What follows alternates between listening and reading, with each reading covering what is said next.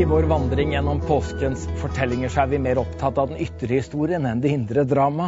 Vi fokuserer ikke så mye på hvorfor det skjedde, men konsentrerer oss om å fortelle hva, hvordan, når og hvor allting skjedde. Og Nå er det søndag morgen i Jerusalem. Og det var noen kvinner, tre navngitte, som het Maria, som fulgte Jesus hele veien fra Galilea til Golgata, fra Golgata til graven. Og de hadde gått fra Betania til Jerusalem lørdag kveld for å kjøpe lintøy og olje, for så å gå til graven grytidlig søndag morgen for å vise Jesus den siste ære. Og alle de fire evangelistene er opptatt av overgangen fra mørke til lys, fra natt til dag. Matteus skriver da sabbaten var over og det begynte å lysne den første dagen i uken. Og Markus skriver tidlig om morgenen den første dagen i uken kom de til graven da solen gikk opp.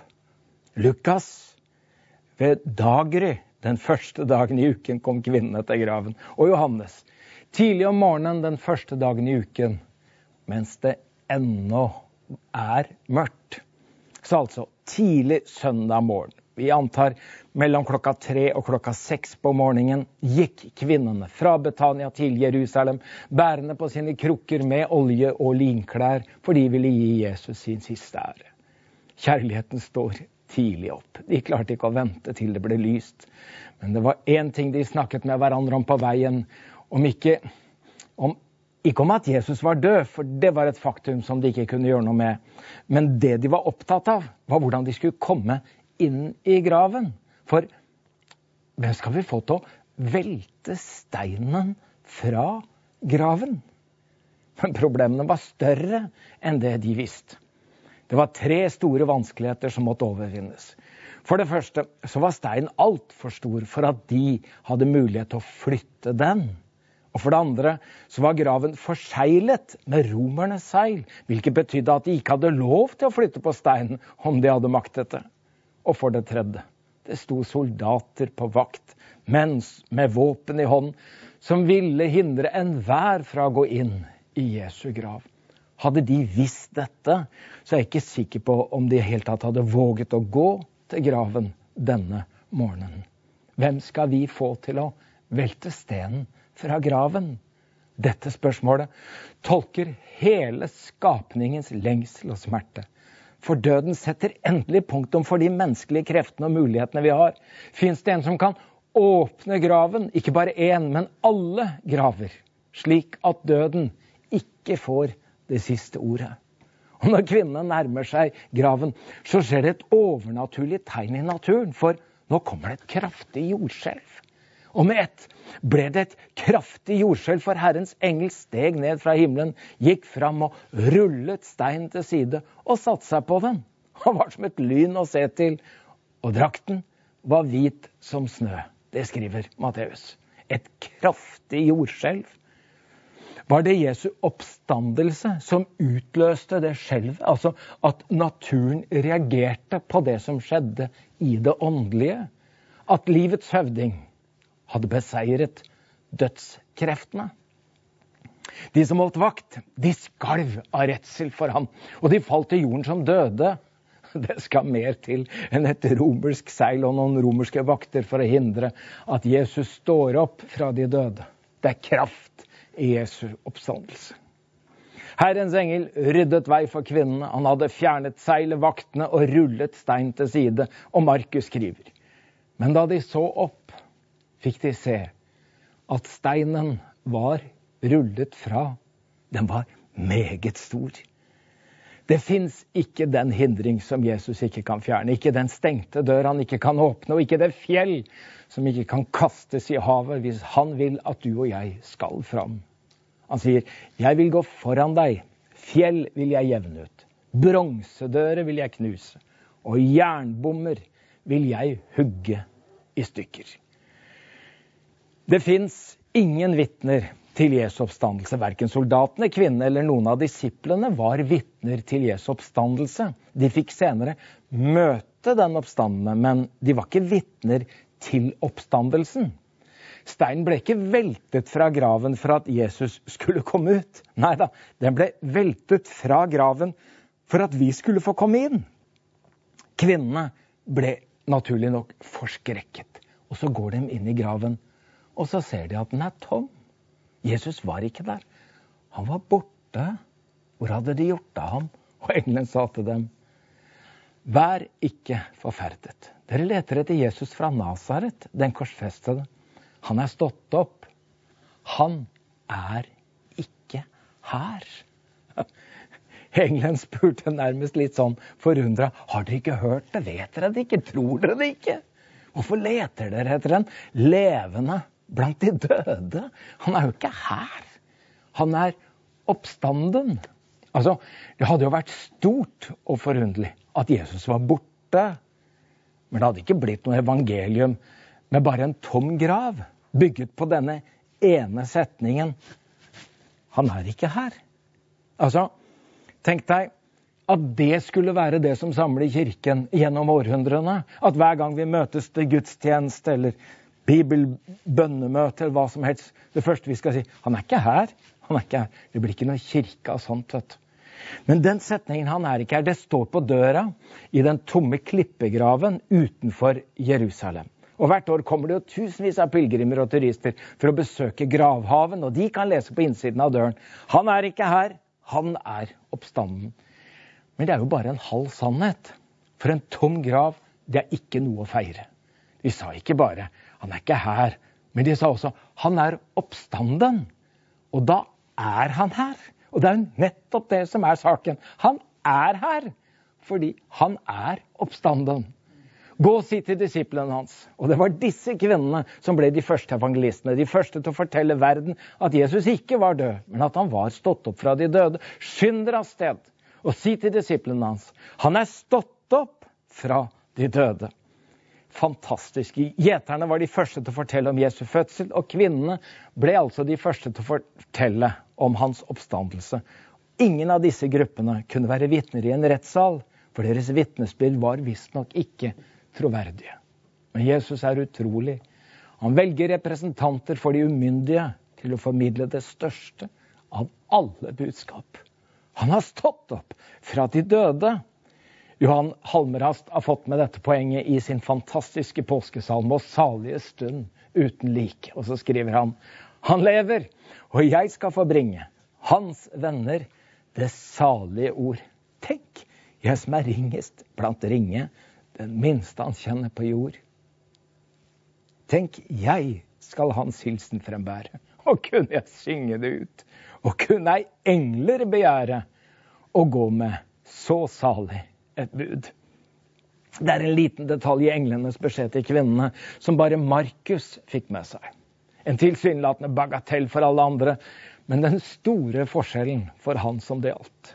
Men gå og si til disiplene hans og til Peter Tenk at Jesus på denne store seiersdagen ikke hadde glemt en av sine disipler som hadde det veldig vondt.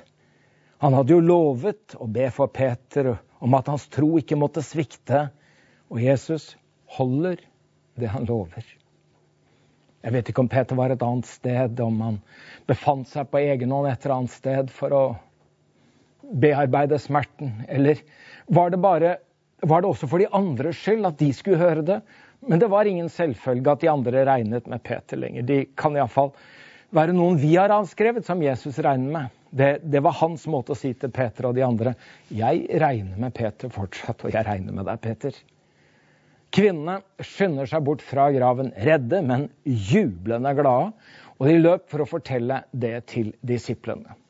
De var redde, men jublende glade. En fantastisk kombinasjon. De løp for å fortelle disiplene de store nyhetene. At Jesus er stått opp. Og da tenker du, da, da roper de helt sikkert halleluja. Men det står, men da de fikk høre at han levde, og at hun, altså Maria, hadde sett ham, så trodde de det ikke. Disiplene trodde det ikke. Det var for utrolig. Du snakker om tro og oppstandelsesforventning. Det sies jo at om noe er for godt til å være sant, så er det jo som regel det. Og det stemmer veldig ofte. Men ikke denne gangen. Jeg vet ikke om det var nyhetene i seg sjøl som var for utrolig, eller om det var de som fortalte dem, som de ikke tenkte var troverdige. Men de trodde dem iallfall ikke. Og Senere på dagen så sier jo disse såkalte Emmaus-vandrerne at nå har også noen kvinner blant oss gjort oss forvirret. De gikk ut til graven i dag tidlig, men de fant ikke kroppen hans. Og de kom tilbake og fortalte at de hadde sett et syn av engler som sa at han lever. Kvinner, vet du. De ser så mye rart. Og så står det videre Men de mente at det hele var løst snakk. Og trodde dem ikke. Du snakker, altså. Løst snakk. Kvinnfolkprat. Vi mannfolk! Vi har mye å be både Gud og kvinner om tilgivelse for.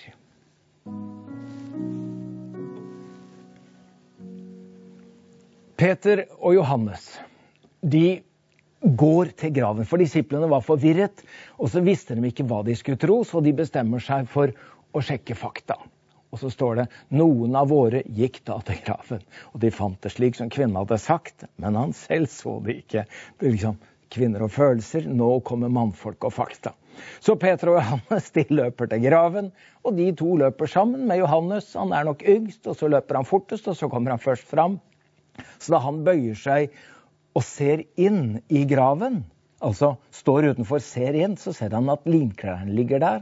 Men han går ikke inn, for Johannes var reflektert, han var ettertenksom. Og så kommer Peter trampende.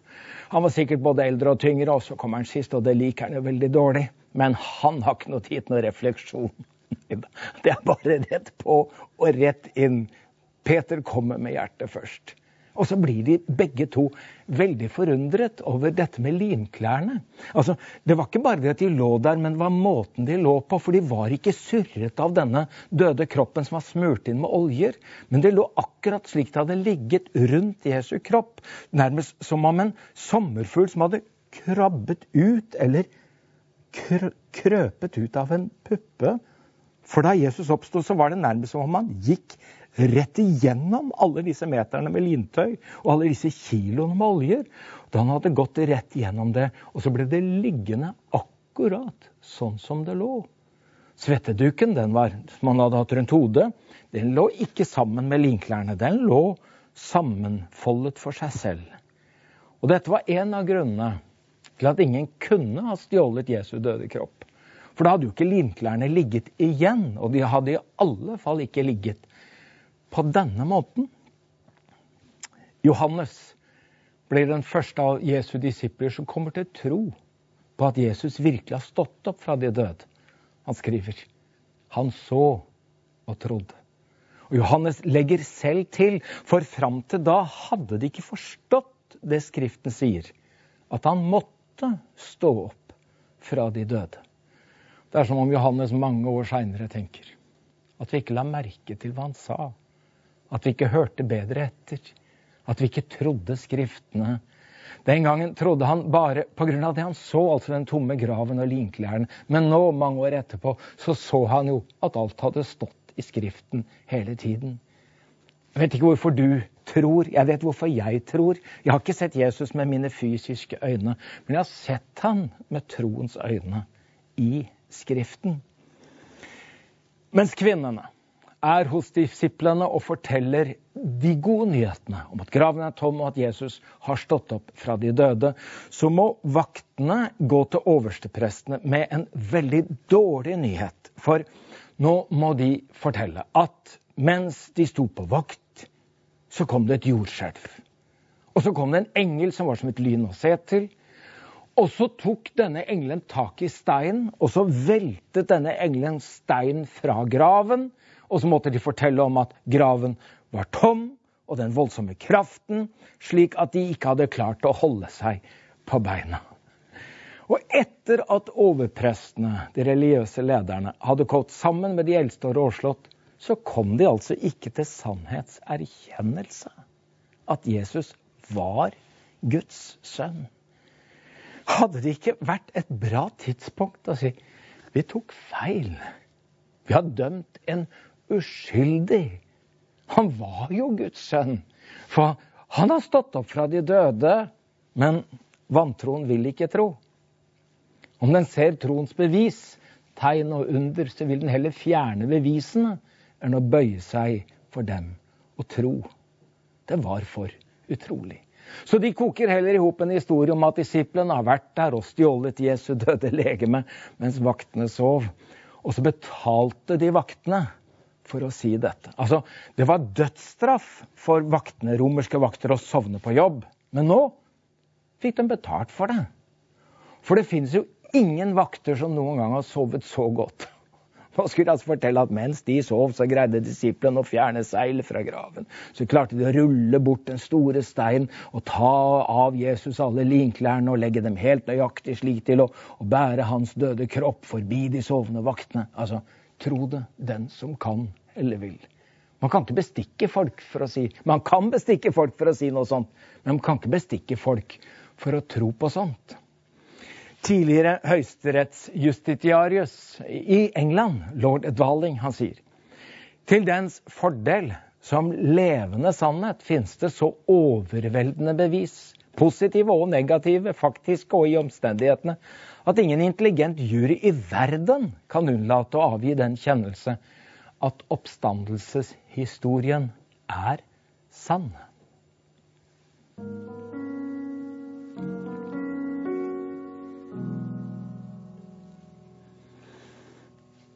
Det er noe gripende med kjærligheten til Maria Magdalena og den kjærligheten hun har til Jesus. Jesus hadde en gang sagt at den som er tilgitt mye, elsker mye. Og Jesus hadde en gang drevet ut syv onde ånder av Maria fra Magdala. Etter at Peter og Johannes har gått fra graven, kommer Maria tilbake, og hun gråter. Hun bøyer seg inn i graven, og Maria er så full av sorg, og hennes øyne er så fulle av tårer. Hun ser at det sitter to engler i hvite klær der hvor Jesu døde kropp hadde ligget, en ved hodet og en ved føttene. Og de spør henne Hvorfor gråter du, kvinne? Det er helt uforståelig for engelen at det går an å gråte på en sånn dag. Dere skulle bare ha sett hvilken glede det er der vi kommer fra, der oppe. Hvorfor gråter dere her nede? Og hun svarer ja, men de har tatt Herren min bort, og jeg, jeg vet ikke hvor de har lagt ham. Og Maria er så full av sorg og savn etter Jesus at det er ikke nok med en tom grav og to engler for å vende hennes sorg til glede. Ingen andre enn Jesus kan fylle hennes savn nå. Noen ganger så er sorgen vår så overveldende at vi ikke er i stand til å se lenger enn til død og grav, og langt mindre å ta inn et himmelsk perspektiv ved graven og savnet etter våre kjære. Og da hun hadde sagt dette, snur hun seg og ser en som står der, som hun tror er gartneren. Altså han som har ansvaret for dette området. Og så sier hun eh, du, du, du, du, må si meg hvor du har lagt ham, så, så skal jeg ta han med meg. Maria, sa Jesus. Da snudde hun seg og sa til ham på hebraisk Rabuni. Det betyr mester. Maria. Ingen kunne si navnet hennes som Jesus. Og det finnes noen som sier vårt navn annerledes enn alle andre. Det kan være en mor, en far, foreldre, søsken, kjæreste, ektefelle. Og Maria svarer på arameisk 'Rabuni', det betyr mester. Og så er det altså sant. Jesus har beseiret døden og stått opp fra de døde. Han er her fordi han er oppstanden. Og dermed blir Maria den første som får se den oppstanden. Hun skynder seg av sted, og så sier hun til disiplene, har sett Herren'. Det hadde jo aldri blitt noen kristen kirke av historien om jordskjelv og engler og tom grav og etterlatte linklær. For det er jo ikke Herrens fravær som er evangeliets kjerne. Det er Herrens nærvær. Den kristne tro er ikke bygget på en ideologi eller en filosofi eller en teologi, men på troverdige øyevitners vitnesbyrd. Vi har sett Herren.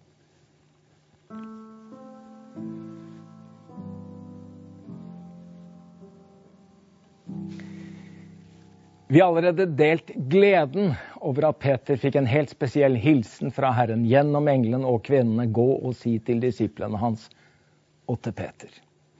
Men Peter fikk mer enn en personlig hilsen fra mesteren denne dagen. Han fikk et personlig møte med Jesus. Det ligger så mye kjærlighet og omsorg i dette at vi må bare la oss begeistre og berøre. For sånn er Jesus. Hvordan vet vi at Jesus og Peter hadde et sånt privat, personlig møte? Jo, vi har det fra disiplenes munn. Da kommer tilbake fra Emmaus til Jerusalem om kvelden, og de er sammen, så sier disse disiplene Herren har virkelig stått opp, og så har han vist seg for Simon. Og senere, når Paulus i det såkalte oppstandelseskapitlet forteller om alle de gangene Jesus viser seg som den oppstandende, så skriver han Først og fremst overga jeg til dere det jeg selv har tatt imot. At Kristus døde for våre synder etter Skriftene, at han ble begravet, at han sto opp den tredje dagen etter Skriftene, og at han viste seg for ja, Kefas. Og deretter for de tolv. Kefas det er det arameiske navnet, eller ordet for klippen, altså Peter. Vi vet ikke noe om hva som skjedde på akkurat det møtet mellom Jesus og Peter. Men vi vet at det fant sted, og vi vet ikke hvor det skjedde heller. For det fins noen møter som det ikke skal skrives referat fra. De er av høyst privat og personlig karakter. Og det hender at det er noe vi sier til Jesus, og som han sier til oss, som vi skal få lov å ha for oss sjøl. Det er mellom oss, og det blir mellom oss så får han en egen hilsen, og så får han et eget møte. Jeg ba for deg at din tro ikke måtte svikte, og når du en gang vender om, da styrk dine brødre. Det hadde jo ikke vært veldig mye med noen av oss hvis ikke det hadde vært for at Jesus har tatt seg av oss, sendt oss kjærlighetserklæringer og gitt oss av sine kjærlighetshandlinger. Hvilken fantastisk frelser og Herre vi har. Og senere så sier jo Peter til Jesus i Johannes 21. Herre, du vet alt de to. De har snakket ut. Emmaus-vandrerne er jo liksom en av verdens altså Den historien er en av verdens udødelige noveller. altså Det er en utrolig historie. Og den begynner sånn. Samme dag var to disipler på vei til en landsby som heter Emmaus, 60 stadier fra Jerusalem. Samme dag. Hvilken dag? Altså den største dagen i historien, den dagen da sola gikk opp. Ikke bare for en ny dag og en ny uke, men for en helt ny tid. Emmaus det lå vest for eh, Jerusalem, ca. 12 km vestover. Eh, også ligger jo Jerusalem 750 meter over havet, og Emmaus ligger omtrent ved havoverflaten. Så det gikk nedover med dem. Og ikke bare at det gikk nedover, det gikk rett og slett rett vest. Og disse to disiplene vandrer altså nedover bakkene fra Jerusalem mot solnedgangen. Men den kristne er jo ikke på vei mot solnedgang. Vi er på vei mot soloppgang. Altså, når man bygde kirkene, iallfall før det er ikke alle kirker som bygges sånn nå, men før så var det veldig viktig at man bygget kirkene riktig vei. Sånn at alteveggen var mot øst, altså gjerne med noe glassmaleri, slik at menigheten hver søndag morgen kunne feire gudstjeneste i soloppgangen. Og så var inngangen fra vest. Det betød at vi, at vi kom inn fra mørket for å gå mot lyset.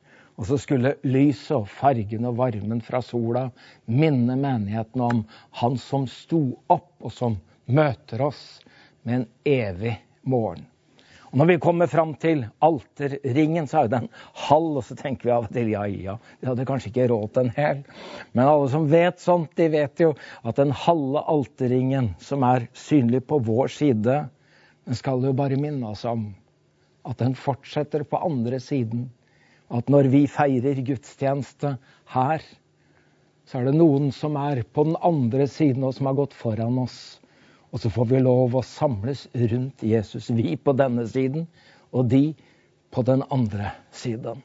Da den svenske presten og forfatteren Magnus Mann ble spurt om hvor han trodde kirka var på vei inn i et nytt årtusen, så sa han hvis kirken er på noen annen vei enn mot Jesus Kristus, så er den på feil vei.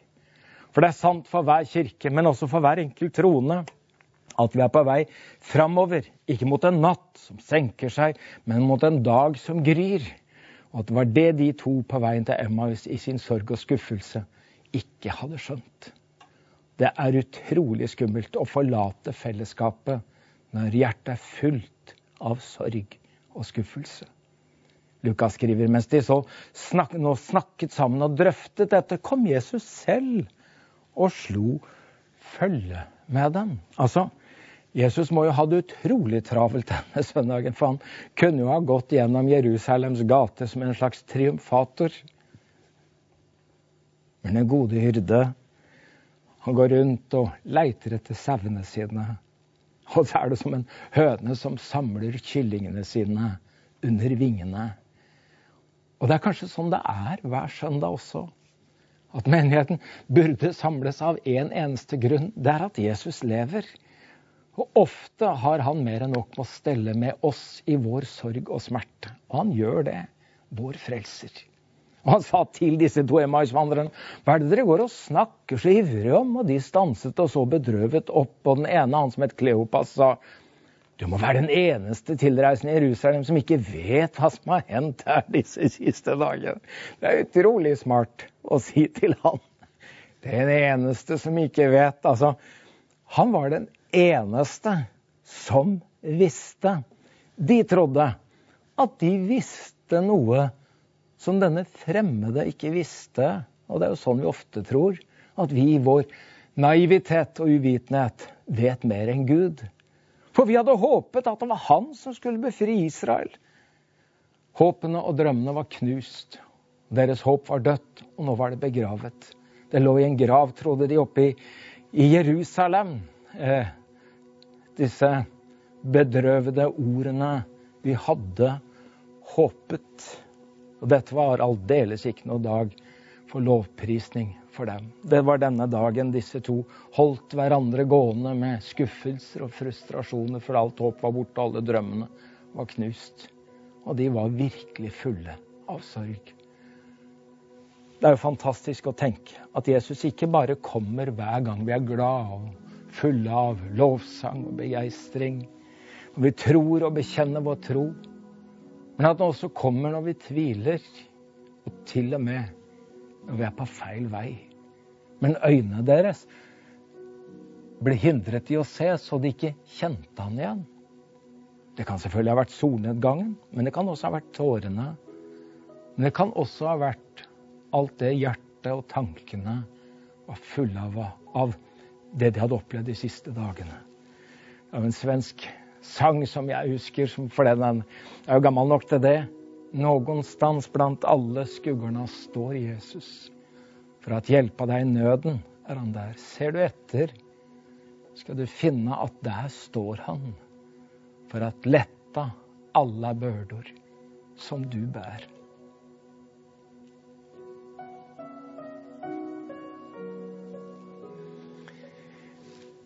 Når disse to Emmaus-vandrerne har øst ut sitt hjertes sorg for denne fremmede som de fortsatt ikke kjenner igjen, så anklager han dem ikke fordi de ikke ville tro på det englene eller kvinnene hadde sagt, men han sier til dem så uforstandige dere er, så treget å tro alt det profetene har sagt. Måtte ikke Messias lide dette og så gå inn til sin herlighet? Og så begynte han å legge ut for dem hva som står om ham i alle skriftene, helt fra Moses av og hos alle profetene. Altså, Jesus henviser ikke til deres åndelige erfaringer. Heller ikke til deres opplevelser. Jesus henviser heller ikke til alle sine tegn og under. Jesus henviser til Skriftene. Og I påskevandringen så følger vi i sporene til han som kalles Skriftenes Messias. Og gang på gang så har vi på vår vandring kommet fram til disse ordene. Dette skjedde, dette sa han, for at Skriften skulle oppfylles. Jesus oppfylte mer enn 300 profetier uttalt av forskjellige røster gjennom 500 år, deriblant 29 profetier på en eneste dag, altså den dagen han døde, langfredag. Og De fleste av de profetiene ble jo oppfylt av mennesker som ikke engang kjente til profetiene eller trodde på dem. Og Hvis Jesus var en bedrager som ville prøve å oppfylle profetiene for å bevise at han var Messias, så hadde han jo allikevel ingen mulighet til å påvirke hvor han skulle bli født, eller hvordan han skulle dø, eller hvor han skulle gravlegges. Så skal vi få en tro som tåler livet, og som overlever døden, så må vi ha en tro som ikke bare er fundamentert på våre egne opplevelser og erfaringer, men en tro som er fundamentert i Skriften. For vi tror på Jesus fordi vi tror evangeliet, og at evangeliet er sant. Og vi tror at det er sant fordi vi tror at Hans har oppfylt Skriftene. Nå er de framme ved Emmaus. Det er blitt ettermiddag, sola har gått ned. Eh, og nå har de gått disse tolv kilometerne og hørt på den fremmede som har holdt bibelstudier for dem og holdt hjertet varmt, og nå begynner et eller annet å skje inni dem. Og så later denne fremmede som om han vil gå videre. Det er jo utrolig nydelig setning. Han lot som om han ville gå videre. Altså det at Jesus later som det er veldig stilig. Han blir jo aldri påtrengende. Han prøver å fremkalle en reaksjon. Ønsker å få en invitasjon. Og det er da de sier disse ordene. Du må bli hos oss. Dagen heller. Du må bli med. Du må, du må komme. Og det står at han ble med dem inn. Og så ble han hos dem. Eh, og da de satte seg til bords for å spise kveldsmat, så var det Det var noe med hendene hans. Noe med måten han brøt brød på. De har sett det mange ganger. Hvordan han brøt brød og delte det ut til den gangen da han mettet mange tusen i ørkenen. Og hadde sett, de hadde sett alle de gangene han hadde brutt brød og delt ut til disiplene når de var samlet. Så de kjente det igjen. Og så hadde de sett det den siste kvelden da de var samla oppe i Jerusalem, og at han hadde brutt brød og sagt dette er min kropp. Og så har jeg tenkt kanskje det var nå, kanskje det var da de så de sårmerkede hendene hans. Da kjente de han. Det står da ble øynene deres åpnet, så de kjente han igjen. Nå kjente de igjen Jesus. Akkurat da, akkurat da de kjente han igjen, da ble han usynlig for dem. Men det gjorde ingenting. Nå hadde de sett han i Skriftene. Nå visste visste de at han levde, at han hadde stått opp fra de døde. De ville alltid kunne se det for seg med sitt indre blikk. For han hadde åpnet Skriftene, han hadde åpnet deres forstand, han hadde åpnet deres hjerter, og nå hadde han åpnet deres øyne. De hadde sett Messias. De orket ikke å være sammen med de andre disiplene i denne sorgen og skuffelsen oppe i Jerusalem.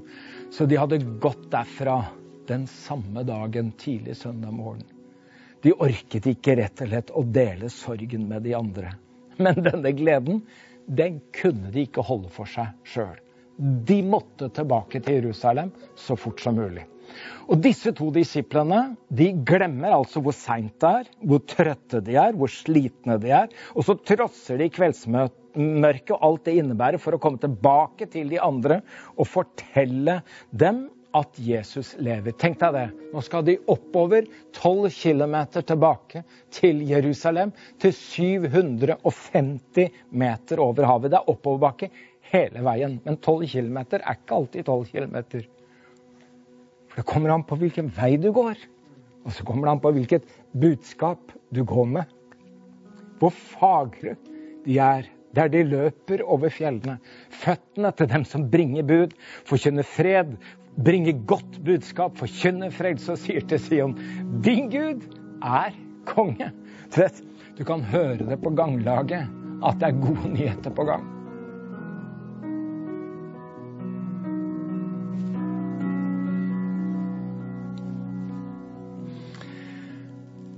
Oi, det begynte å bli seint søndag kveld. Emmausvandrerne er endelig kommet fram til Jerusalem, der hvor de andre er.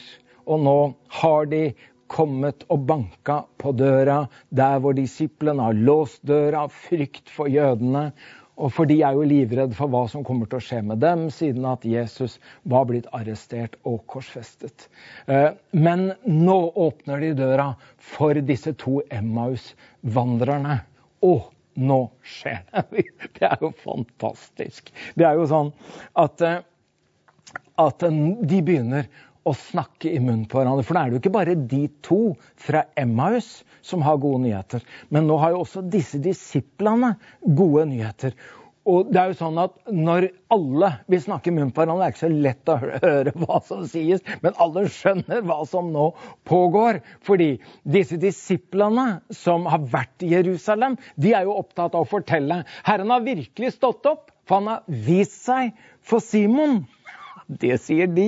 Og så kommer disse fra Emmaus, og så forteller de hva de har sett, og hvordan de har oppdaget at Jesus har gått med dem til Emmaus. Og så er det nesten som om de kom med en felles trosbekjennelse.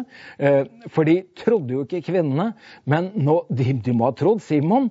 Og så er det som om disse eh, snakker i munn på hverandre og har et slags eget lite vitnemøte. Og så forteller de hverandre om hva som har skjedd, og at Jesus lever. Og mens alt dette pågår, så viser Jesus seg for disiplene, som er i denne slags blanding av frykt og glede. Og så står Jesus plutselig midt iblant dem og sier, Fred være med dere.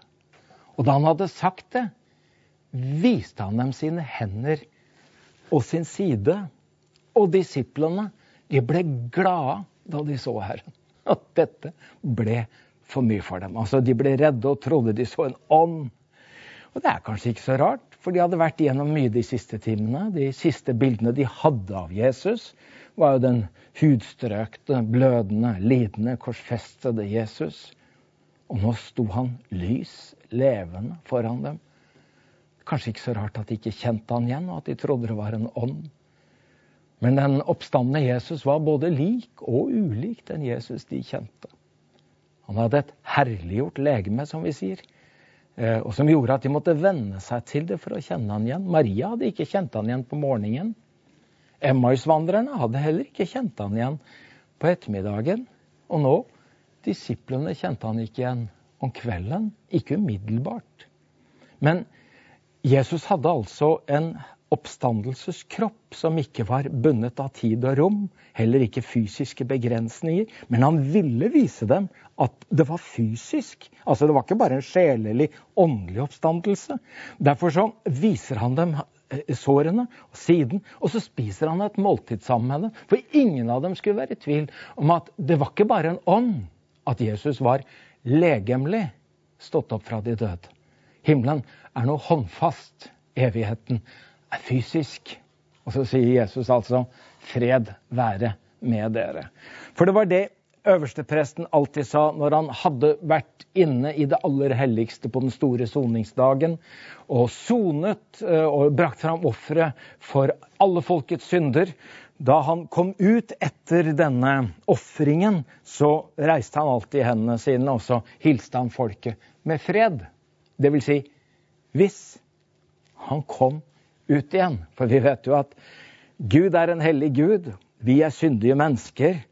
Og det var jo faktisk sånn at uh, hvis denne øverstepresten ikke kom ut, så var det et tegn på at, uh, at Gud ikke hadde godtatt eller godkjent offeret.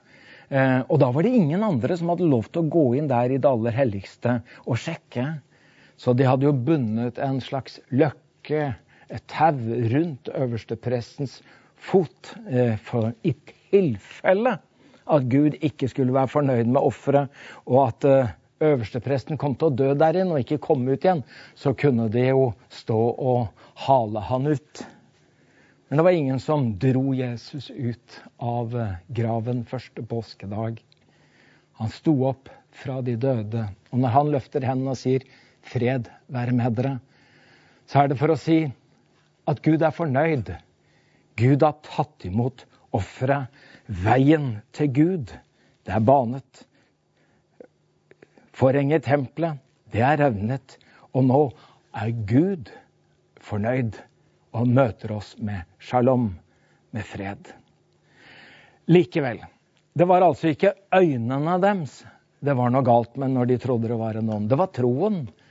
For det står til sist viste han seg også for de elleve mens de satt til bords, og han bebreidet dem at de var så vantro og forherdet at de ikke hadde trodd dem som hadde sett at han var oppstått. Og så begynner Jesus med et nytt bibelstudium. Han gir seg jo ikke, vet du. Tolv kilometers bibelstudium for disse som er på vei til Emmaus. Og nå underviser han hele disippelflokken. Og så sier han til dem Det var dette jeg talte om da jeg ennå var sammen med dere, og sa at alt måtte oppfylles som står skrevet om meg i Moseloven, hos profetene og i salmene. Da åpnet han deres forstand så de kunne forstå Skriftene. Altså en ny gjennomgang av alle de 300 Messias-profetiene i Det gamle testamentet. Hva var det profeten hadde sagt? Hva var det som står skrevet? Og så befestet og rotfestet Jesus deres tro i noe som var utenfor dem selv. Noe som sto fastere enn deres egne opplevelser og erfaringer. Og noe som alltid kom til å holde.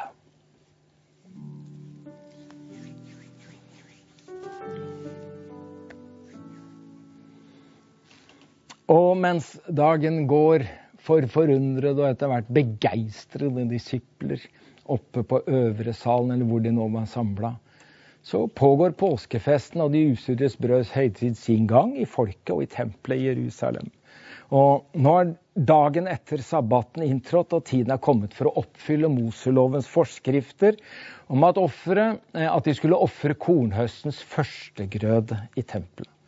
Det må ha vært veldig rart å holde på der nede i tempelet i Jerusalem denne, disse dagene etter, etter langfredagen. Og forhenga revnet.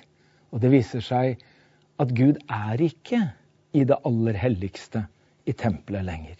Det er som om Gud har meldt flytting. Men de eh, har ikke tenkt å slutte for det. Men eh, på denne dagen i forbindelse med morgenbønn og gudstjenesten i tempelet, så blir kornbåndene svingt for Herren under jubel og glede, for at kornhøstens tid nå er kommet. Og så blir ildofferet brent, og det årsgamle og lytløse lammet blir båret fram som et brennoffer for Herren. Og alt dette skjer i tempelet den morgenen, mens Jesus stiger ut av graven og er Messias, Herrens lidende tjener og førstegrøden i Guds folk. Han som nå er ofret og er blitt båret fram for Herrens åsyn. Han som vandrer for Herrens åsyn i de levedes land. Jeg vil at du skal se for deg det. Der nede i tempelet bringer de altså fram kornhøstens et kornbånd som en førstegrøde for å ofre til Gud. Der oppe i salen står Jesus sammen med et kornbånd av disipler. Førstegrøden av sitt livs frukt. Nå er hvetekornet som har falt i jorden og døde, stått opp, og det har begynt en verdensvid kornhøst. Og her står han med førstegrøden, de disiplene, de elleve. Og når han står der og snakker til dem og møter dem og hilser dem, med fred, så står det Fred være med dere. Som far har sendt meg, sender jeg dere. Så åndet han på dem og sa, ta imot Den hellige ånd. Jeg tror at den dagen blir disiplene født på nytt. Altså, Jesus døde som den enbårne, men han sto opp som den førstefødte. Nå har han blitt en levendegjørende ånd som kan gjenføde, skape nytt liv, det evige livet i oss. Og jeg tror at den første påskedagen blir disiplene som har vært i Guds rike, som har fulgt Jesus. Nå tror jeg at disse blir født på nytt fordi de får denne evige Guds ånd inn i sine hjerter. Og så tenker jeg kanskje dette også er dagen for deg. Det er jo en fantastisk dag å invitere Jesus inn i ditt hjerte og inn i ditt liv. For én ting er sikkert og visst. Det evige livet det begynner ikke når vi dør. For døden kan ikke gi noen mennesker liv. Døden tar liv. Det evige livet det begynner når vi tar imot Jesus Kristus. For han er det livet som aldri kan dø. Så den som tar imot Jesus, tar imot syndenes forlatelse og det evige liv. Jeg syns Jeg tror faktisk at jeg har lyst til å be en bønn sammen med deg. Og jeg vet jo ikke hvem du er som ser dette. Men kanskje du lenge har tenkt på at du vil gjerne bli Guds barn, og du vil gjerne vite og tro at du er akkurat det. Kan du gjerne be en bønn sammen med meg? Så kan vi gjøre det sånn som jeg pleier å gjøre når jeg reiser rundt og preker. At jeg ber en setning, og så ber forsamlingen etter. Og så ber jeg igjen, og så ber folk etter. Så kan vi gjøre det sånn at jeg gir deg tid til å be denne bønnen etter meg. Kjære Herre Jesus. Nå kommer jeg til deg. Takk for at du møter meg der jeg er. Og takk for at du tar imot meg slik jeg er. Takk at du døde for mine synder. Og takk at du sto opp igjen til min rettferdighet. Nå tar jeg imot syndenes forlatelse og det evige liv. Takk at du skriver mitt navn i livets bok og så gir du meg rett til å være Guds barn. Og det er jeg, for det har du sagt. Tusen takk, Herre Jesus Kristus. Amen. Ha en fantastisk første påskedag.